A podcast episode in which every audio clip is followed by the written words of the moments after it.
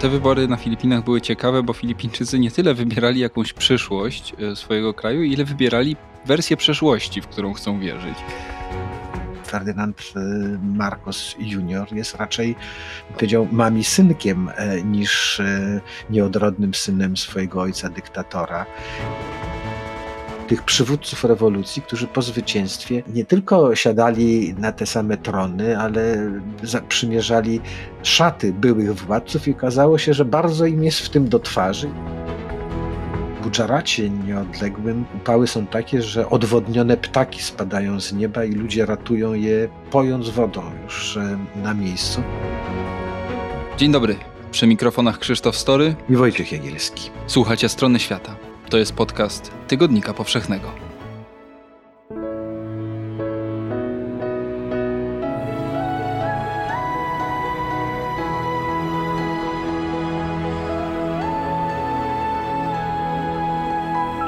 Podcast powszechny. Weź, słuchaj. 8 maja odbyły się wybory prezydenckie na Filipinach. Po podliczeniu głosów okazało się, że wygrał Ferdinand Marcos Jr. Jr., czyli syn Ferdinanda Marcosa, obalonego na Filipinach dyktatora, który rządził tym krajem prawie przez 20 lat dyktatora, któremu zarzuca się naruszenia praw człowieka, tortury, zabójstwa, a przede wszystkim korupcję na ogromną, gigantyczną wprost skalę.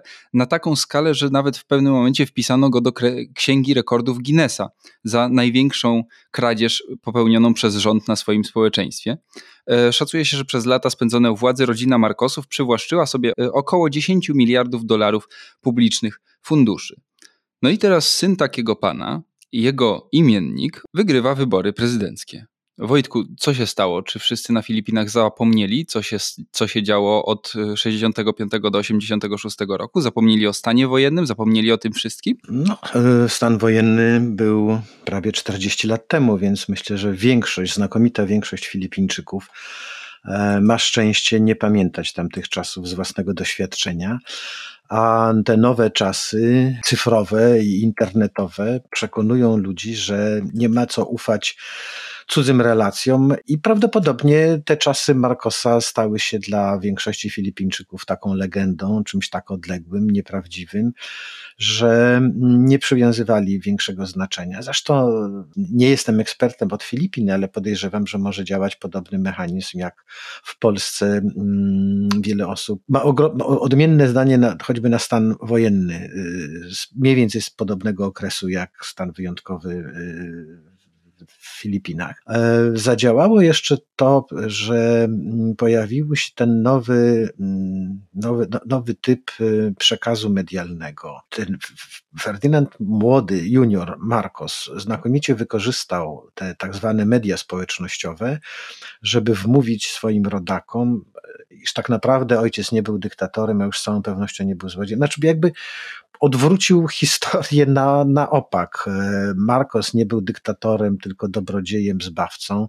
Nie był złodziejem, tylko e, no wręcz e, ofiarodawcą wszelkiego dobra dla Filipińczyków. Nie wykorzystywał ich, tylko sam siebie oddał Filipinom na służbę pojawiło się mnóstwo i, i, legend, no tak nieprawdopodobnych, że aż trudno uwierzyć, że ktokolwiek mógł dać im wiarę, ale jednak. Ja mogę przytoczyć jedną taką legendę. Mm.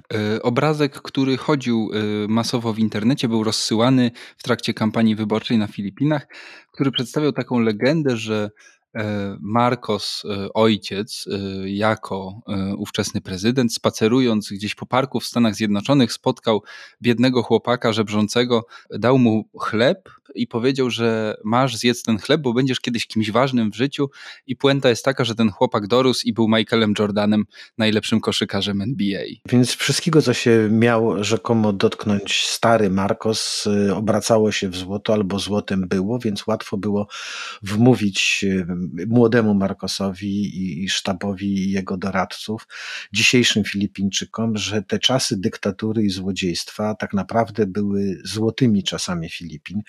E, pięknie, jak zwykle, pisze o tym w najnowszym numerze Tygodnika Powszechnego. Myślę, że to nie jest kryptoreklamy i możemy sobie na to pozwolić. Pisze Piotr Bernardyn, e, nasz azjatycki korespondent. No, no, no właśnie do tych legend, do tych baśni, wierzeń ludowych niemalże przyczyniły się te nowoczesne mm, sposoby propagowania tychże, tychże legend, y, oczywistych nieprawd y, i Markosowi i jego ludziom udało się Filipińczyków może nie nabrać, może nie oszukać, ale przekonać do swojej wersji wydarzeń, swojej wersji dziejów filipińskich i swojej oceny tego wszystkiego, co było, bo sam Marcos Junior niczym specjalnie nawet nie próbował uwieść Filipińczyków. Poza tym, że był, że nosił sławne nazwisko, nie przedstawiał żadnego programu, nie wdawał się w żadne dyskusje, w ogóle nie uczestniczył w żadnych e, tych debatach e, prezydenckich, które w Filipinach także przecież są organizowane. Jeżeli udzielał wywiadów, to tylko zaprzyjaźnionym ze sobą i życzliwym sobie mm, dziennikarzom. I generalnie rzecz biorąc, jego, jego, jego program, który przedstawiał rodakom, polegał mniej więcej na tym, żebyśmy wszyscy byli ze sobą zgodni, wszyscy razem i zmierzali w jedną stronę, a wtedy wszystko nam się powiedzie i, i, i osiągniemy sukces, bo nie ma innego wyjścia. Myślę, że łatwiej było, i to jest chyba główny powód wygranej Marcosa i wygranej, wygranych polityków podobnego autoramentu w świecie. Nie tyle oni mają coś do zaproponowania, tylko swoją swoimi postaciami są alternatywą dla rozczarowania, jakimi były dla tych krajów rządy nie wiem jak to nazwać, no powiedzmy tych liberalnych demokratów. Przerwę ci, bo poprzednika e, pana Marcosa ciężko bardzo określić mianem liberalnego demokraty. No to jest Rodrigo Duterte był bardzo daleko od wzorca liberalnego demokraty. Ja nie mówię tutaj, że, że rządy Rodrigo Dutertego przyniosło, przyniosło rozczarowanie Filipińczykom. Wręcz przeciwnie, on zrealizował dokładnie to, co obiecywał. E, myślę tutaj o tych rządach e, spod znaku, no właśnie, liberalnej demokracji, yy, praw człowieka, czyli spod haseł rewolucji, która Marcosa zmiotła stroną w 1986 roku. To, co obiecywali przywódcy tej ulicznej rewolucji z panią Corazon Aquino, która zastąpiła mm, Marcosa, to było wspaniałe, piękne i wszystkim się podobało, wszystkim Filipińczykom się podobało wtedy, kiedy, kiedy ta rewolucja się dokonywała. Natomiast owoce tej rewolucji i rządów e, polityków z tego jakby obozu politycznego, no nie przyniosły takiej poprawy losu, e, albo w ogóle nie przyniosły poprawy losu, a skoro były nadzieje i one nie zostały spełnione, to pojawiło się gorzkie rozczarowanie i tęsknota, nostalgia za czym, no, tęsknota za czymś, czego nie było, ale za tymi legendarnymi złotymi czasami. Okazuje się, że ludzie owszem nie tylko na Filipinach, bardzo potrzebują, jak powietrza potrzebują wolności, ale chyba jeszcze bardziej poczują takiego bezpieczeństwa i opieki, że ktoś za nich będzie podejmował decyzje, zaprowadzi sprawiedliwość. Wtedy właśnie pojawiają się tacy ludzie e, typu autokratycznego albo takiego paternalistycznego, bo przecież Marcos Junior e, no na razie i, i trzymajmy kciuki, żeby, żeby, żeby tak pozostało, no nie, nie dał się poznać jako nieodrodny polityczny syn swojego ojca, e, dyktatora. Ferdynand e, Marcos Junior jest raczej, powiedział, mami synkiem e, niż nieodrodnym synem swojego ojca, dyktatora. I myślę, że to te, te, te, te, te sześć lat prezydentury, bo na Filipinach można być prezydentem tylko sześć lat i tylko sześć lat, upłynie mu nie na zaprowadzaniu autokratycznych rządów czy porządków. Zresztą no, zrobił to już za niego poniekąd poprzednik Rodrigo Rodrigo Duterte, tylko raczej będzie dbał mm, o, o to, żeby ten wizerunek uróżowiony e, rodziny Markosów i czasów panowania ojca, żeby on przetrwał i, i żeby to on przeszedł do historii jako ten, jako ten prawdziwy, żeby Filipińczycy w to wierzyli, czy będzie bardziej dbał o, o, o to, jak Markosowie przejdą do historii, a przy okazji może jako prezydent wpłynie na to, że paru procesów o korupcję się nie dokończy, a innych się w ogóle nie rozpocznie. Procesu korupcyjnego, między innymi tego dotyczącego samej rodziny rodziny Markosów, bo połowa zagrobionego majątku, tak się szacuje, wcale nie wróciła e, tam, gdzie miała wrócić. E, nazwałeś go mamin synkiem, co mi się bardzo spodobało, bo mm, ze względu na postać właśnie jego mamy, Imeldy Marcos, która zwana żelaznym motylem, jej nie chcę użyć słowa chciwość, bo to była raczej. Mm, apetyt na życie. Apetyt na luksus, na luksus. i apetyt na życie był legendarny. E, podobno kiedyś zawróciła samolot w Rzymie na lotnisko z powrotem, bo zapomniała kupić ser. No, uważała się za, skoro jej mąż był władcą świata, no to ona była tą władczynią i wszystko uważała, że, że można. E, chyba dalej tak uważa, chyba nawet na chwilę ta, to jej przekonanie w swoją własną wyjątkowość i wszechmoc y, nie przepadło, bo wróciła przecież e, do, do, do, do, do, do ojczyzny wkrótce po śmierci męża na obczyźnie, ale nie uważała żeby miała się czegoś krępować, za coś odpowiadać, że coś jej, żeby coś jej groziło w tych Filipinach, e, wróciła i nie tylko nie kryła się ze swoją zamożnością, ale natychmiast wdała się w filipińską politykę, popchnęła do tej polityki dzieci. Nie uważała, żeby bycie, żeby nazwisko Marcos e, i wszystko to, z czym się to nazwisko kojarzyło, żeby to dyskwalifikowało Markosów e, wyrzucało ich z polityki. To nie była historia jakoś szalenie odległa. Wróciła do ojczyzny w czasie, kiedy pamięć o tych rządach e, Ferdynanda Marcosa Starszego była wciąż żywa. Może wierzyła mm, pani Marcos, że polityka filipińska zawsze była dynastyczna, a więc dynastyczna pozostanie. Ta rewolucja e, była skierowana przeciwko niej, przeciwko Markosowi, więc tu łatwiej jeszcze o poczucie takiej krzywdy, ale rewolucja nie zburzyła tej piramidy władzy, którą, którą tworzyły polityczne dynastie, bo przecież pani Corazon Aquino która stała się mm, uosobieniem rewolucji i tej przeciwniczki Marcosa, i ona przecież y, prowadziła rewolucję pod hasłami wolności, demokracji, równości, no niemalże taka marsylianka filipińska. Ona sama była przedstawicielką politycznej dynastii, bo weszła do polityki po mężu e, senatorze Benigno Aquino e, za, za, zamordowanym na zlecenie Marcosa. Jej sukces e, zrodził się też ze współczucia ludzkiego, takiego zwyczajnego współczucia ludzi dla kogoś, kto stracił bliską osobę z powodu polityki. W związku z tym stał się niejako tego zamordowanego politycznym dziedzicem. Prezydentem kraju był też syn pani Corazon. E, no więc mamy dynastię po obu jakby stronach barykady. Zresztą rzeczywiście ta południowa Azja, południe Azji e, ma, ma jakieś skłonności do, do dynastyczności. Do, do, tych, tak, do tych rządów wielkich rodów, do tych dynastii, no przecież gdzie tam się nie zwróci, od Filipin po, po Pakistan, to wszędzie mamy polityczne rody, które panują od, niemal od zawsze, wymieniają się tylko starami rządów. Tak, jakby, jakby rzeczywiście. Mm, I obojętnie jaki to jest system, czy to jest dyktatura wojskowa, czy to jest, y, co Hindusi bardzo lubią o sobie mówić, największa demokracja e, na świecie. No, najludniejsza, może nie największa, ale też, też się liczy. Wojtku, o dynastiach politycznych jeszcze porozmawiamy oczywiście, ale ja bym chciał jeszcze na jedno dosłownie pytanie zostać na Filipinach. Pytanie takie bardzo techniczne, bo te wybory na Filipinach były ciekawe, bo Filipińczycy nie tyle wybierali jakąś przyszłość e, swojego kraju, ile wybierali wersję przeszłości, w którą chcą wierzyć. No to też jest jakaś przyszłość.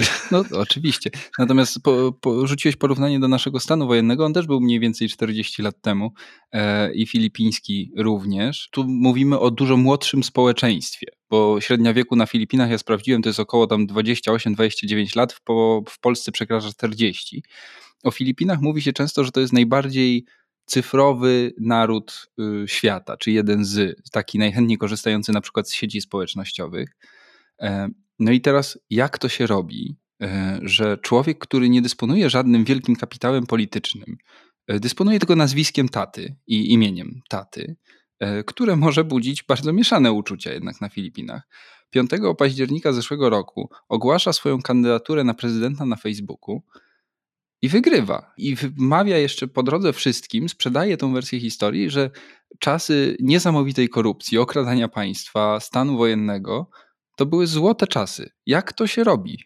Ja, ja, rzadko kiedy występuję w tym wirtualnym świecie, nie jest to moja domena, więc trudno mi dokonywać jakiejś głębokiej analizy tego, co w tamtym świecie się dzieje. Natomiast wydaje mi się, że poza tymi rzeczywiście zjawiskami, te, te, tymi wirtualnymi, e, mieliśmy do czynienia z czymś bardzo realnym, politycznym poparciem. To nie jest tak, że e, Marcos Junior e, za pomocą TikToka, Facebooka i Twittera przekonał Filipińczyków, że wcale nie było tak, jak było, tylko było tak, jak on mówi, że było. E, myślę, że nie zostałby prezydentem kraju, gdyby nie otrzymał cichego przynajmniej błogosławieństwa ze strony ustępującego prezydenta Dutertego. Zresztą nową wiceprezydentką jest córka Rodrigo Duterte. Kolejna, kolejna, kolejna jakby dynastia.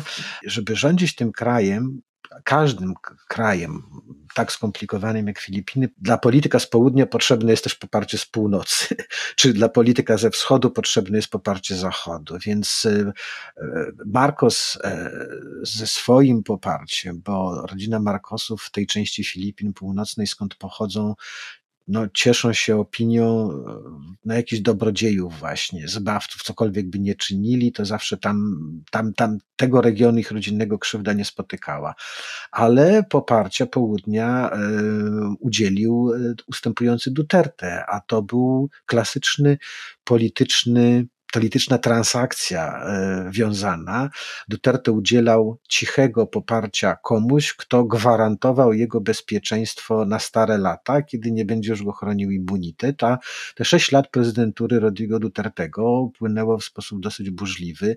No, kończył prezydenturę, czy kończy prezydenturę mm, z rozpoczętym śledztwem przez Międzynarodowy Trybunał Karny o zbrodnie, no może nie zbrodnie wojenne, ale natomiast w zbrodnie przy, wojen, wojny na Filipinach szczęśliwie nie ma. No. On nazywał to wojną z narkotykami przez całą kadencję. Ale właśnie to była ta wojna z narkotykami, podczas której toczył ją tak, że policjantom kazał najpierw strzelać, a później sprawdzać, czy trafili dobrze, czy, czy właściwie trafili.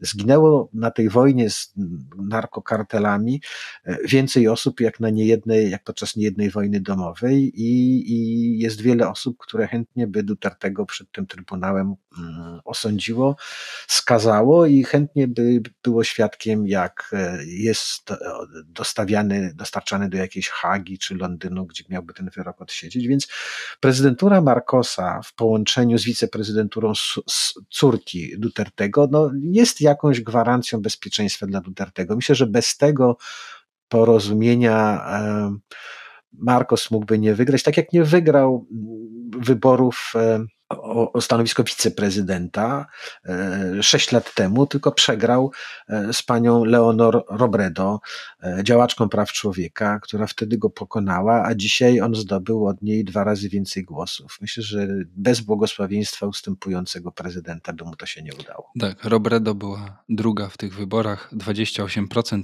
głosów zdobyła, a Marcos Junior 56%. Wiceprezydentką została córka Dutertego, odpowiedzialnego za tą całą wojnę, za ostatnie 6 lat tej burzliwej e, filipińskiej rzeczywistości. No i rodzi nam się kolejna dynastia. Użyłeś już tego słowa, słowa, którego, które zazwyczaj kojarzymy z podręcznikiem z historii, Jagiellonowie, Piastowie. E, tak sobie wyobrażamy dynastię. Okazuje się, że w ramach nie tylko jakichś bardzo autorytarnych, y, przynajmniej y, na papierze y, krajów, funkcjonują dynastie i to w zasadzie rządzą krajami niepodzielnie. Jak to się dzieje, że liberalna demokracja, w dodatku tak jak na Filipinach, bardzo ucyfrowiona, czyli z dostępem do informacji zewsząd, wybiera rody, wybiera właśnie dynastię. Może to jest też, e, łączy się z jakimś kultem celebryckim, który, który jest pielęgnowany we współczesnych czasach, e, z tym podglądactwem. Przecież jak tam jakiś książę William coś zrobi w Windsorze, to u nas połowa prasy bulwarowej się tym ekscytuje i, i ludzie rozmawiają w tramwajach. E, może jest to jakieś bliskie naszej naturze, trafia w te nasze czułe, słabsze punkty.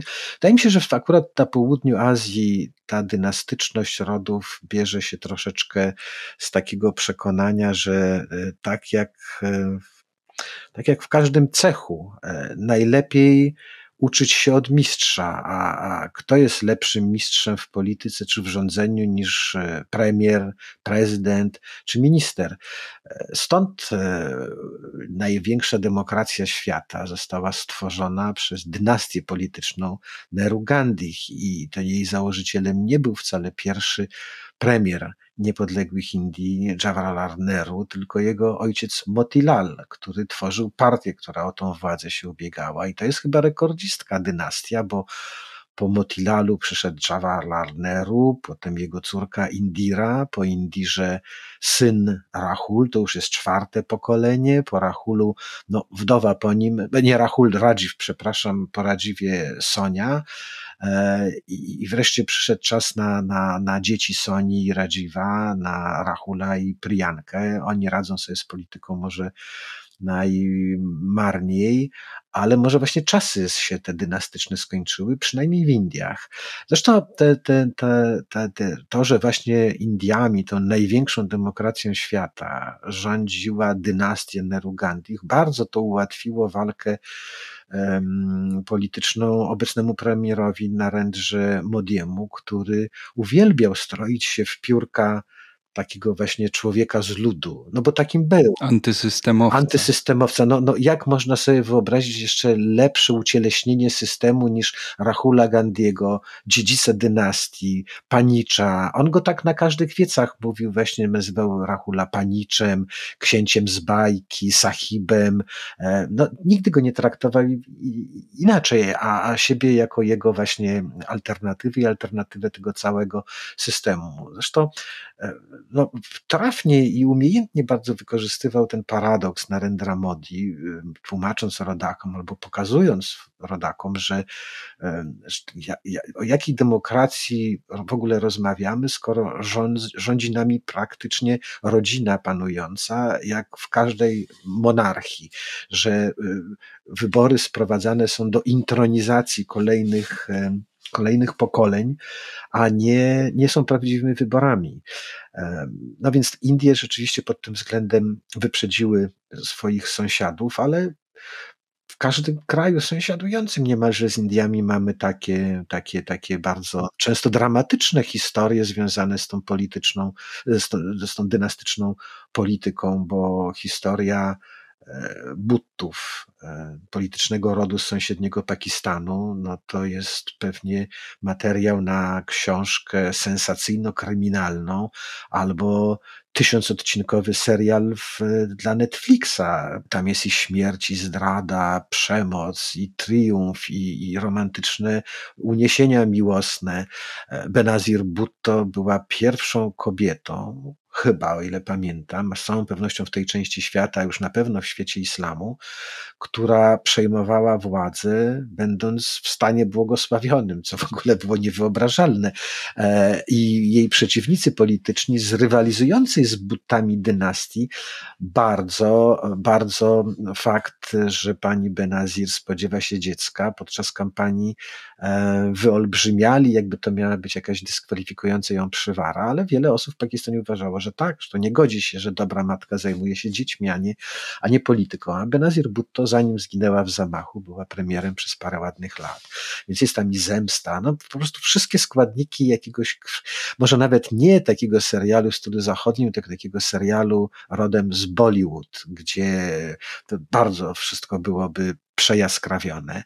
No i każdy kraj, i Sri Lanka, i Bangladesz, i, i Birma, bo przecież pani Aung San doszła do władzy, w ogóle zajęła się polityką z powodu swojego taty, pierwszego prezydenta, założyciela państwa birmańskiego, obalonego w zamachu i zgładzonego. Tak się zastanawiam, czy jeszcze byśmy na chwilę się nie zatrzymali w Pakistanie. Pakistanie zawsze bardzo chętnie. Oczywiście, ja wiem. E, Wojtek bardzo lubi się zatrzymywać w Pakistanie. E, bo mówiłeś o tym, jak Modi doszedł do władzy w Indiach. On doszedł do władzy właśnie na takiej opowieści o tym, że on tutaj, chłop z ludu, występuje naprzeciw tym wielkim e, z dynastii, tym takim tłustym kotom e, z dworu. I ja myślę, że tę opowieść jest bardzo łatwo powtórzyć w zasadzie w każdym kraju. To znaczy, ona w każdym kraju pada na mniej lub bardziej, ale jednak podatny grunt.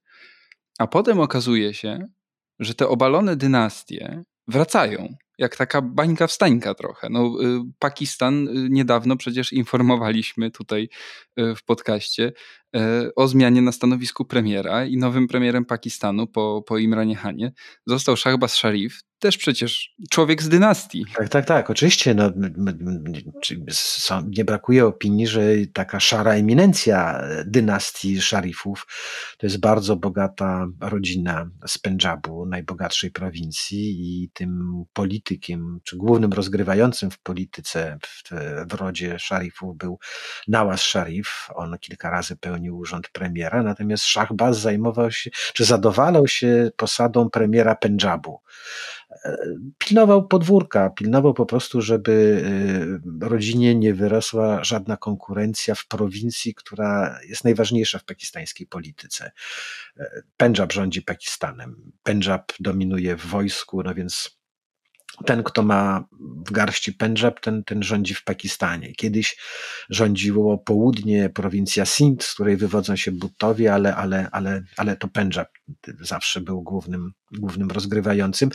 W Pakistanie też pojawił się taki Narendra Modi, e, pakistański, który E, też stroił się, nawet nie musiał się stroić, był bohaterem ludowym i był antysystemowy. To był krykiecista Imran Khan, no bożyszcze tłumów. E. Nazywaliśmy go tu Robertem Lewandowskim Pakistanu. Robert Lewandowski nie cieszy się taką miłością w Polsce, jak Imran Khan cieszy się miłością w Pakistanie jako krykiecista przynajmniej. I doszedł dzięki temu wizerunkowi, udało mu się stworzyć partię i ludzie głosowali na Imrana Hana i zrobili go premierem nie dlatego, że byli przekonani, jakim on będzie świetnym zarządcą, no bo skąd mieli wiedzieć? Jak miał ich przekonać krykiecista i, i bawi że będzie świetnym premierem, tylko wybrali go właśnie dlatego, że go kochali jako krykiecistę i że on nie był nie był, nie był, nie był z tego systemu, z tego, z tego Babilonu, a przeciwko niemu się właśnie zwracał. A kilka lat później wracamy do tego Babilonu. Czy to już zawsze tak będzie? Czy, czy w Rosji za 20 lat wybory wygra y, syn Putina y, nagle objawiony? Czy... Na pewno nie. Na, na, na, na pewno nie. Nie, ale wiesz, wiesz o czym mówię. Czy, dlaczego to, to wraca ta opowieść? Dlatego, że y, rewolucjoniście, który walczy z jakimś systemem, kiedy już E, przejmie władzę, bo władza, rewolucja jest wymierzona przeciwko i porządkowi, ale także przeciwko staremu władcy. Zwykle najpierw pada stary władca, a za ten porządek później przychodzi się zabierać, e, rewolucyjnie go zmieniać. I ten rewolucjonista, przywódca rewolucji, który zastępuje starego władcę, szybko się orientuje, że jednak ten stary system jest dużo wygodniejszy do zarządzania państwem, e, niż żeby i, i lepiej go natychmiast nie, nie, nie, nie rozmontowywać, no bo trzeba zająć się jakimiś codziennymi sprawami. I potem tak z każdym tygodniem sprawowania władzy to wciąż jest najważniejsza sprawa, ta rewolucja i rewolucyjna zmiana porządku, ale nie jest, przegrywa, jeśli idzie o pilność spraw do, do załatwienia natychmiastowego.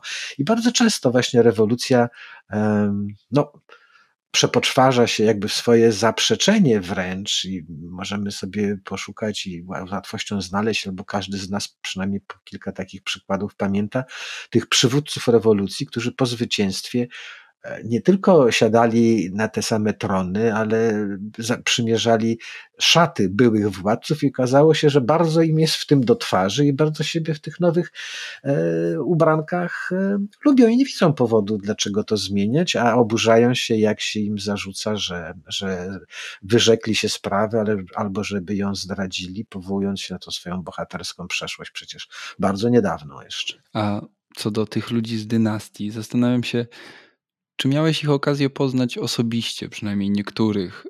Zastanawia mnie sposób ich myślenia, e, o ile da się dotrzeć do, do jakiegoś takiego szczerego poziomu tego, co oni myślą. Miałem okazję widzieć, przemknąć, słuchać, być na konferencji prasowej e, Idałaza Szarifa i Benazir Bhutto, natomiast y, no, nie miałem przyjemności czy okazji, żeby przeprowadzać z nimi wywiady i może też nie spodziewałem się niczego wielkiego i dlatego o tym nie rozmawiałem. Pani Benazir Bhutto udzieliła wspaniałych wywiadów, zachodnich dziennika, e, udzielonych, e, których udzielała zachodnim dziennikarzom, zwłaszcza dziennikarkom, które znała z czasów swojej e, emigracji i studiów w Wielkiej Brytanii, więc inaczej rozmawia się z przyjaciółką, którą się zna jeszcze z innych czasów, a inaczej z dziennikarzem z jakiegoś kraju, którego no, wierzę w to, że potrafiła z łatwością znaleźć na mapie, ale dlaczego miałaby opowiadać o jakichś prywatnych sprawach dziennikarzowi z Polski? Boże drogi, e, nie spodziewałem się tego. Poznałem Fatimę Butto,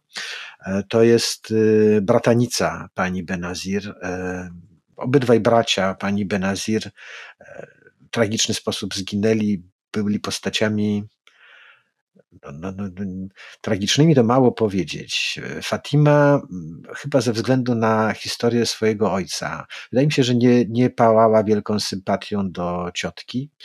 I może dlatego dosyć krytycznie opowiadał i nie zajmowała się polityką, bo była dziennikarką i pisarką jest e, ale nie pisała jak, nawet jako dziennikarka o polityce. Ta polityka starała się od tej polityki być jak najdalsza.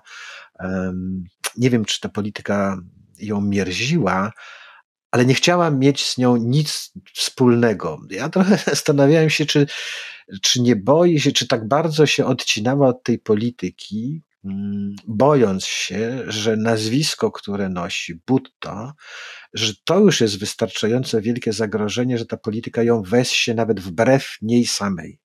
Bo wiele razy się zdarzało, że ci ludzie, zwłaszcza przedstawiciele tych młodszych pokoleń, wbrew własnej woli byli wciągani w politykę dla dobra tej wielkiej sprawy. jeszcze wrócę do Indii, gdzie Indira Gandhi, która była no, bestią polityczną i ta polityka i władza była całym jej życiem, e, na swojego dziedzica tronu e, sposobiła młodszego ze swoich synów Sanjaya. I on świetnie się do tej roli nadawał. Indie by cierpiały, bo był to no, polityk z krwi i kości, ale żaden mąż stanu, taki zarządca stanu wyjątkowego, raczej intrygant bezwzględny. I on zginął w katastrofie śmigłowca. E, bo e, Indira, nie mając już innego syna, żadnego drugiego, wskazała na Radziwa, że musi przejąć e, władzę, dlatego że, że no właśnie, że, że tego wymaga interes rodziny panującej. A Radziw marzył o tym, żeby być pilotem. Marzył o zupełnie innym życiu. I no, nie miał nic do gadania, po prostu. Później zginął, bo zapłacił za tą politykę swoją własną śmiercią. I myślę, że Fatima Butto świadoma jest, była tego i jest, że to nazwisko może być także klątwą, że może sprawić, że nie pytając jej o zdanie, albo sytuacja, sprawy potoczą się tak, że nie będzie miała innego wyjścia, jak tylko tą polityką się zająć. Więc uciekając od niej jak najdalej, być może tego się bała. Zresztą chyba słusznie, bo myślę, że Benazir Bhutto swoich dzieci na polityków nie wychowywała, ale jej syn Bilal Wal został właśnie ministrem spraw zagranicznych w nowym, w nowym pakistańskim rządzie, kierowanym przez przywódcę wrogiej dynastii, to jak Capuletti i Monteki. Niemalże się jednoczą w, w, jednym, w jednym celu, a Bilal Wal, e, Bilal Wal jest, jest na tyle świadomy potęgi nazwiska Bhutto, że póki nie zajął się polityką, nosił nazwisko ojca. Był po prostu Bilawalem Zardarim, ale jak już wszedł do polityki, to dołożył do tego nazwiska, nazwisko matki i dzisiaj nazywa się Bilawal Butto Zardari. Przedstawiasz trochę tą politykę w, y, w rodzinach dynastycznych jako takie przed, przeznaczenie niemalże jak z greckiej tragedii, którym możesz robić wszystko, żeby tego uniknąć. A i tak, a i tak też tańczy. No taka jest, taka, takie są przypadłości w tych właśnie, w tych y, azjatyckich y, przypadkach, w tych rodach. No nawet idąc dalej, te próby zakładania jakby politycznych dynastii w krajach e, środkowej Azji, byłego Związku Radzieckiego, czy nawet w Azerbejdżanie, no, Ilham Alijew e, myślę, że marzył o wszystkim, tylko nie o polityce ale ojciec Hajdar e, uparł się, że jego syn będzie jego następcą, bo Azerbejdżan jest ich krajem, jest ich tworem i nie miał wiele Ilham do gadania, jak tylko, został prezydentem. Dzisiaj Azerbejdżan zresztą w ogóle jest wyjątkowym państwem, bo rządzi prezydent Ilham Alijew, a wiceprezydentem jest jego żona. Myślę, że nigdzie na świecie podobnej e, konstrukcji politycznej nie wymyślono ale no przecież te rody, ta dynastyczność, ta słabość do, tych, do, tej, do tej dynastyczności w polityce to nie jest tylko przypadłość azjatycka, nawet w tych naszych krajach bardzo wyrafinowanej, starej demokracji. No też możemy wskazać.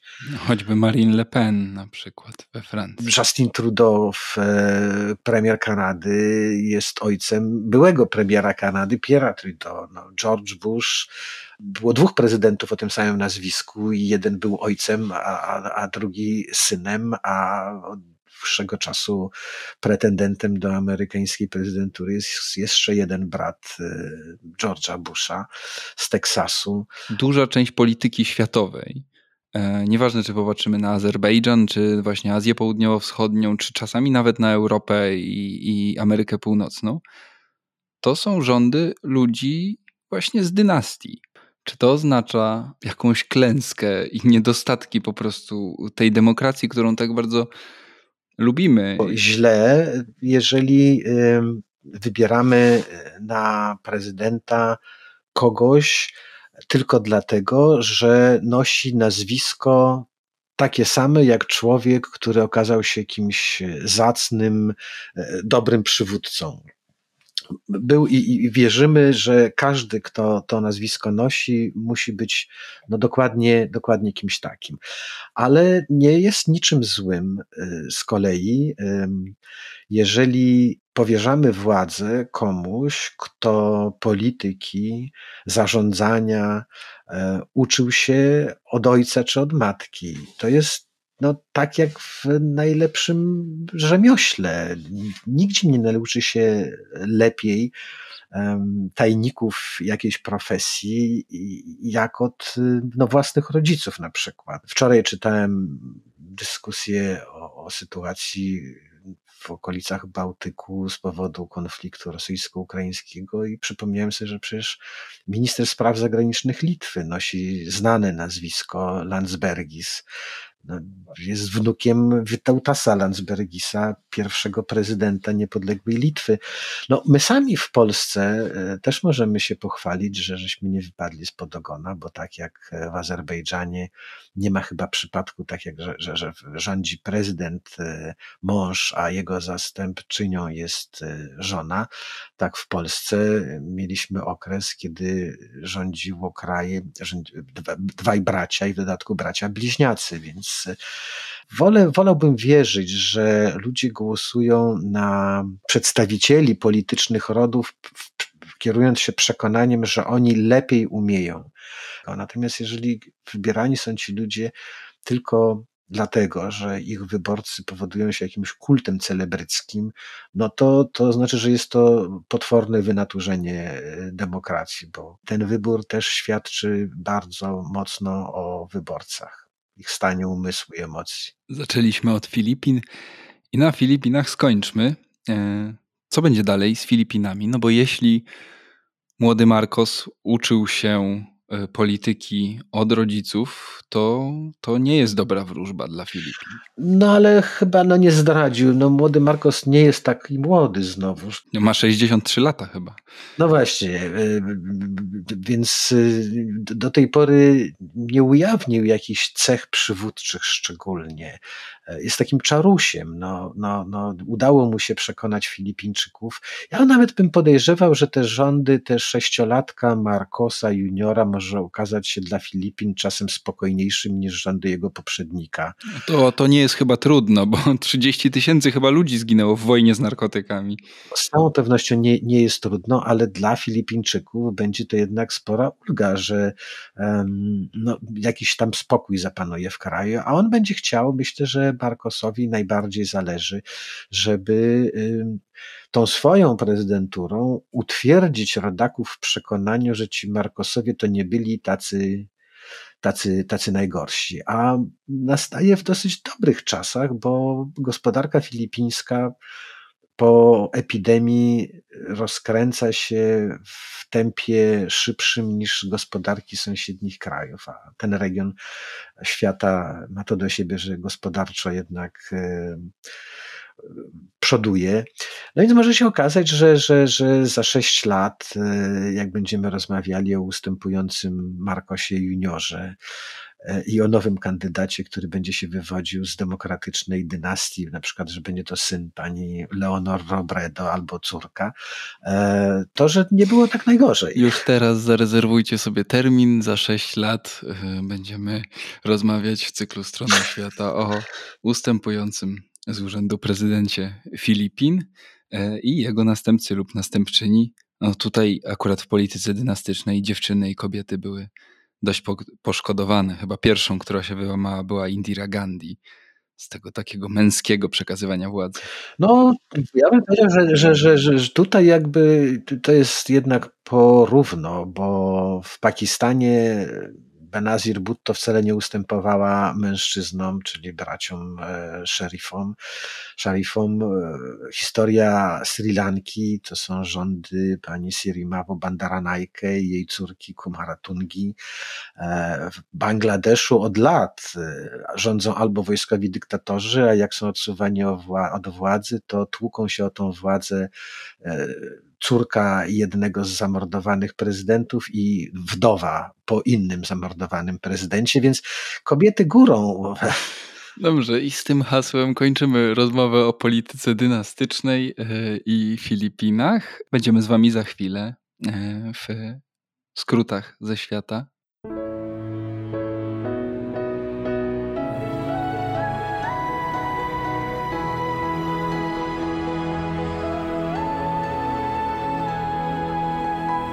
Podcast powszechny. Weź, słuchaj. I zapraszamy na szybki przegląd wydarzeń, e, o których mogliście nie słyszeć, a warto, żebyście słyszeli. Ja zacznę, Wojtku, bo mamy w Europie jedną ważną rzecz. Szwecja i Finlandia coraz bardziej zdecydowane, żeby przystąpić do NATO. Radykalny zwrot w polityce tych obu krajów. E, o tym też więcej poczytacie w papierowej wersji Tygodnika Powszechnego. A poza Europą, co dla nas przygotowałeś? Powiem się na tym, że chyba w tym roku napisałem więcej tekstów o pogodzie e, niż kiedykolwiek. I to nie dlatego, żeby mi się zainteresowania zmieniły, tylko chyba ten rok, albo może ja po prostu dopiero w 62 roku życia zobaczyłem e, coś, co inni widzą od dawna, jak bardzo klimat zmienia się, jak bardzo ta pogoda wpływa na, na sytuację międzynarodową.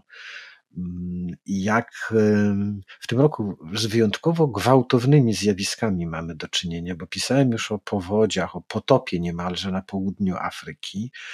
Teraz e, niemalże jednocześnie e, klęska suszy, jedna e, z najgorszych w ostatnich dziesięcioleciach, dotyka róg Afryki. W Indiach, w Pakistanie te upały, które zawsze następują tuż przed nadejściem monsunowych deszczów, w tym roku te upały zaczęły się nie w maju, a nawet pod koniec maja, jak zwykle, tylko w marcu. Dzisiaj czytam, że temperatury sięgają 47 stopni rekordowo. No więc właśnie, naj, najgorętszym miejscem na świecie okazuje się pakistańska prowincja Sind. W Gujaracie nieodległym piszą o że upały są takie, że odwodnione ptaki spadają z nieba i ludzie ratują je, pojąc wodą już e, na miejscu. I że, że jest to jakby taka próba e, sił, próba sprawdzenia, w jakiej temperaturze, w jakich temperaturach ludzkość może jeszcze w miarę normalnie funkcjonować. Na to wszystko, na te, na te gwałtowne zjawiska pogodowe nakłada się ten kryzys wynikający i z epidemii, i z wojny ukraińskiej, te, te kłopoty z surowcami energetycznymi. No, nam paliwo potrzebne jest zimą, żeby się ogrzać, ale w Indiach i w Pakistanie jest potrzebne właśnie teraz, latem, żeby przetrwać te, te upały. I tego zaczyna dramatycznie brakować. Tych miejsc, które przestaną się nadawać do życia po prostu, będzie się mnożyć. I to z tych miejsc będą ruszały te wędrówki ludów, będą zmierzać w kierunku tych oaz zamożności i szczęśliwości, wciąż jest Europa. Na Bliskim Wschodzie mm, mieliśmy do czynienia z dwoma istotnymi wydarzeniami.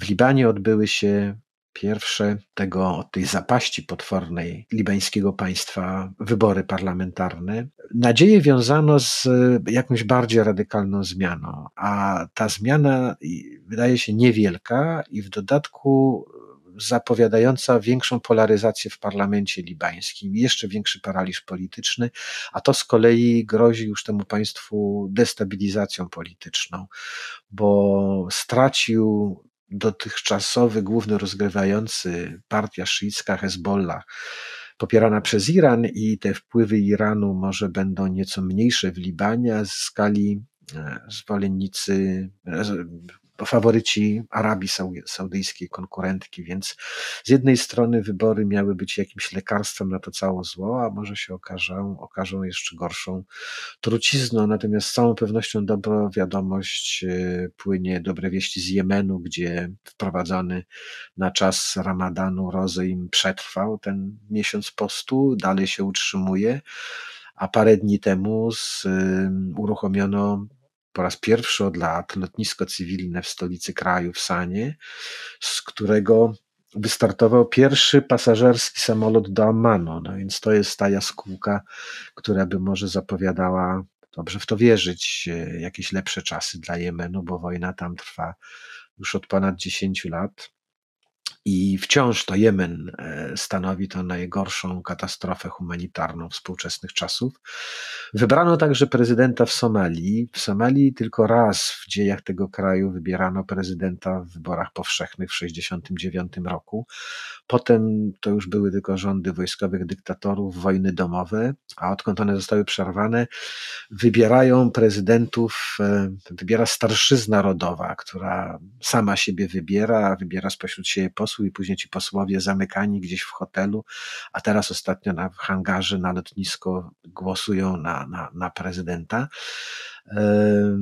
Wybory się odbyły. E, wygrał człowiek, który poprzednie wybory przegrał, a teraz wziął rewanż na, na, na swoim pogromcy, więc demokracja można powiedzieć. Natomiast ci, którzy się znają na rzeczy, przestrzegają, że jeżeli dalej tak będzie się w Somalii wybierać prezydentów i rządy, to znaczy, że starszyzna będzie wybierać między siebie tych jeszcze starszych, a ci starsi posłów i tak dalej, to w końcu e, dżihadyści somalijscy e, zastraszą albo przekupią tą starszyznę i ona do, na kolejnego parlamentu somalijskiego wybierze właśnie dżihadystów i w ten sposób e, sztandar świętej wojny zostanie wniesiony do sali parlamentarnej w Mogadiszu jak najbardziej legalnie i pokojowo i może to będzie pierwszy przypadek, gdzie dżihadyści przejmą władzę w sposób demokratyczny i całkowicie prawowity. E, no, odpukać, żeby do tego nie doszło. Następne wybory w Somalii za 4-5 lat mają czas. No cóż, zawsze mówiło się, że reporterzy czekają na taki spokojny okres, kiedy będziemy pisać o pogodzie,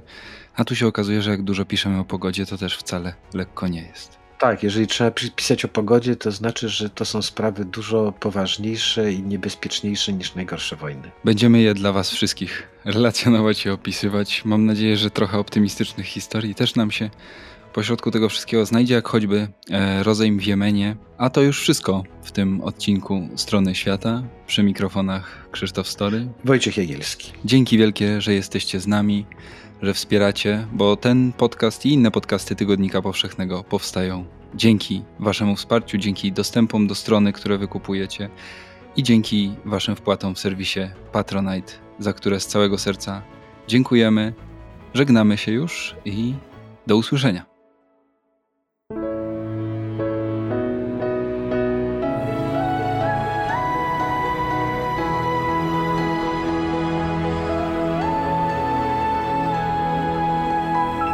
Podcast powszechny. Weź, słuchaj.